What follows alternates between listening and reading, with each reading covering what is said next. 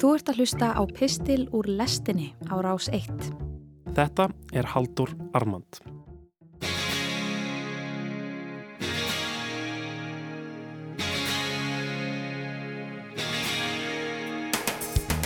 Segjum að þú búir á stað í Evrópu þar sem veðrið er dásamlegt, maturinn geggjaður, strand lengjurnar himneskar og þú átt meira inni á bankabókinniðinni en gengur að gerist á flestum öðrum stöðum í álfunni, auk þess sem þú getur búist í því að lifa lengur en aðrir. Bætum því svo við í öfnuna að ofan á þetta allt ertu umkringt stórmerkilegri, fágaðri og ægi faguri menningu sem heimsbyðin öfundar þig af og blasir við þér hvert sem litið er hvort sem það er ofan í kaffibólarnum þínum, í fordleifum, ólíunni sem þú hellir yfir matardiskin, víninu eða tískunni á gödunum eða sportbílónum. Hvernig er hægt að vera óhemmingisamur á svona stað? Er þetta ekki paradís? En þáttur þetta er lífið á Ítalju ekki paradís. Næstum því annar hver Ítali er þjakaður af djúbstæðri óhammingju. Þetta hlutfall gerir Ítali, korki meirinni minna, en að óhamingju samasta fólki í Evrópu, takk fyrir túkall. Þráttur þetta er lífið á Ítalju ekki paradís. Næstum því annar hver Ítali er þjakaður af djúbstæðri óhamingju. Þetta hlutfall gerir Ítali, korki meirinni minna, en að óhamingju samasta fólki í Evrópu, takk fyrir túkall. Sumulegðis er næstum því tvöfalt fleiri einmanna og líður eins og þeir séu algjörlega látnir afskiptir á Ítalju heldur en almennt týrkast á Evrusvæðinu. Tveir þriðju óttast að missa vinnuna. Hvernig stendur á því að þetta fólk er svona óhamingisamt? Walter Mayer, bladamadur der Spiegel á Ítalju, leitar að svarinu við þessu í nýri grein í tímaritinu. Hann ferðast milli Feneja, Sikilegar og Rómar og talar þar við íbúa um hvað veldur þessari gengdarlösu bölsíni. Niðurstaðan er einnig helst svo að Ítalir fyrirlíta ríkið og sjá það sem yfir gengilega gráðugt batteri sem gerir ekkert annað en að þjónusta sér sjálft en ekki fólkið í landinu. Þetta er viðhorf sem hefur farið mjög vaksandi eftir efnahagskreppuna þar árið 2011. Þessi þróun helst í hendur við dvínandi trú á líðræði sem er ekki bundin við Ítalju þótt byrtingar myndirnar séu svona sterkar þar. Ungverjaland er í dag land sem ber á yfirborðinu öll merki þess að vera líðræðisríki.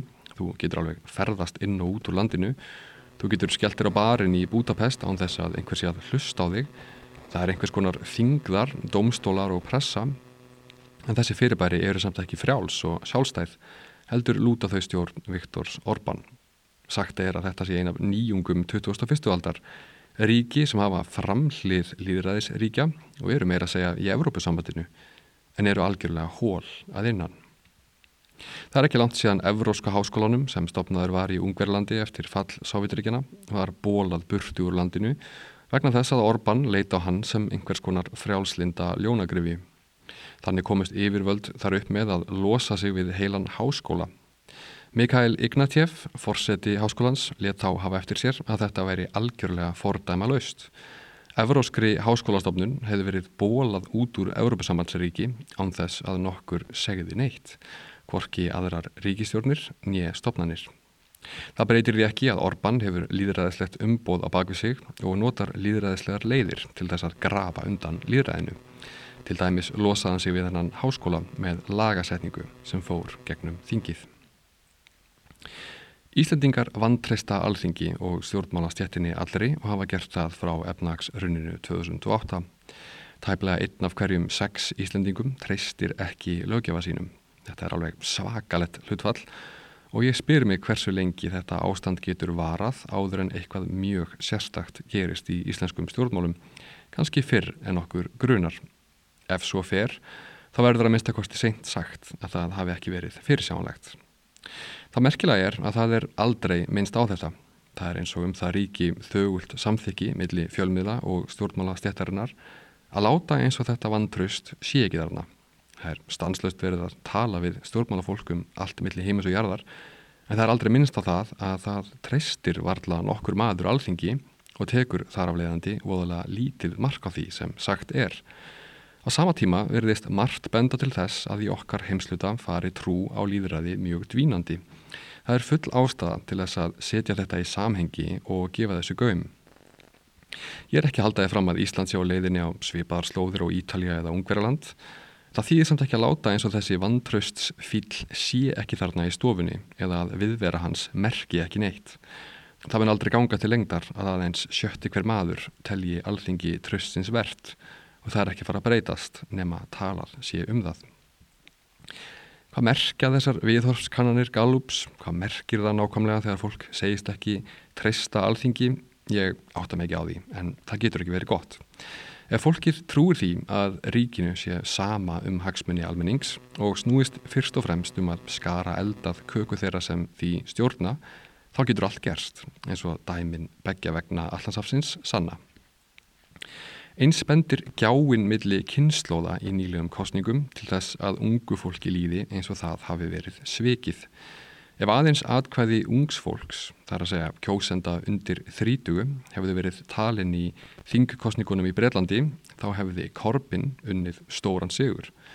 Ef aðeins hefðu hins vegar verið talin atkvæði 65 ára og eldri, þá hefði íhaldsflokkur Johnsons fengið hvert einasta þingsæti í landinu. Sama minnstur sést Vestanhafs. Bernie Sanders er vissulega 79 ára gammal en hann er 79 ára gammal rótæklingur og þorri stuðningsmanna hans, bæði nú og fyrir fjórum árum, er yngra fólk. Vitaskuld er yfirleitt munur á því hvernig ungt fólk og eldra kýs en þessi gjá er óvenjulega breið. Ef ég leifi mér hér að tala í breiðum pensilstrókum þá líður mikið af ungu fólki innan gæsalappa eins og það tilheri samfélagi og ekki síst hagkerfi sem er nákvæmlega sama um framtíð þess. Þetta hefur verið alveg kristalskýrt frá efnagsrunni, hvort sem það er hér á landi, í bandaregjónum eða á Ítalju. Þess vegna ætti það ekki að koma nefnum á óvart að ungt fólk flikkist kringum frambjóndur eins og Sanders. Hann lítur út fyrir að vera skýr valkostur um eitthvað annað og það hvernig venjulegir fjölmilar hamast á honum og byrgsla honum um alls konar þvætting er vísbendingum að kannski síðan það í alvörunni. Já, krafan um skýra valkosti, krafan um eitthvað annað en hefðbundin stjórnmál er afar sterk. Það eru allar líkur á því að í bandaríkunum muni Trump og Sanders berjast um kvítahúsir. Ég held að frekar í sannana sé ekki þörf.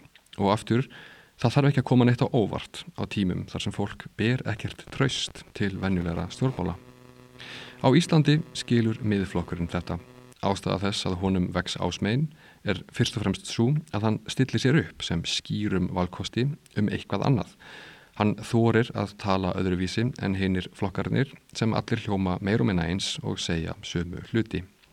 Ef maður flettir upp stefnu flokksins þá eru þetta fyrstu setningarnar. Stjórnmál, bæði á Íslandi og í löndunum kringum okkur eru breytt. Það er mikilvægra en áður að stjórnmálamenn tali skýrt. Hvað er satt og hvað ekki er annað mál en þetta er bókstaflega fyrsta stefnumál flokksins að tala skýrt. Sama hvar þú stendur í stjórnmálum þá verður því ekki neitað að þetta er augljóslega rétt. Þegar aðeins sjötta hver manneskja tristir alþingi þá er líka augljóst mál að þetta virkar. En eitthvað segir mér að þessi mál verði ekki tekinn til umfjöldunar og áfram verði þrammað eins og ekkert sé. Það var næstum því eitthvað skáldlegt við forsýðu frettablaðsins í gær Þar var aðalfrettin um það að þjóðkirkjan ætli sér núna að fara að gróður setja tré og gerast græn. Svona eins og hérum bil hvert einasta stórfyrirtæki í heiminum hefur gert síðustu tíu árin. Hinn helmingurinn af forsíðinni var síðan risastór mynd af kveitibólum. Þetta er vist mest lesna dagblad landsins. Já, allt með kjörum kjörum hér, bollur og grænir skóar. Vandamál heimsins, einhver staðar víðis, víðis fjari. Ég hefði gefið mikið fyrir að ráð vera viðstættur reitstjórnarfundir þegar þessi forsíða var ákveðin en maður fæfist ekki allt sem maður óska sér. Þegar Íslandst líðræði tekur að mólna verður dásamlegt að geta hugga sig við það að skýrninnar séu að minnstakosti kólefnisjafnaðar og hver veit um að það séu nokkrar bollur eftir í bakarínu. La storia infinita con te Che sei Þú varst að hlusta á Haldur Armand, nýr pistill frá Halduri, hljómar á hverjum þriðu degim í lestinni á Rás 1. Ef þú fílaðir þennan pistill og vilt heyra meira, getur gerst áskrifandi að lestinni hér í hlaðvarpsappinu þínu. Rás 1 fyrir forveitna.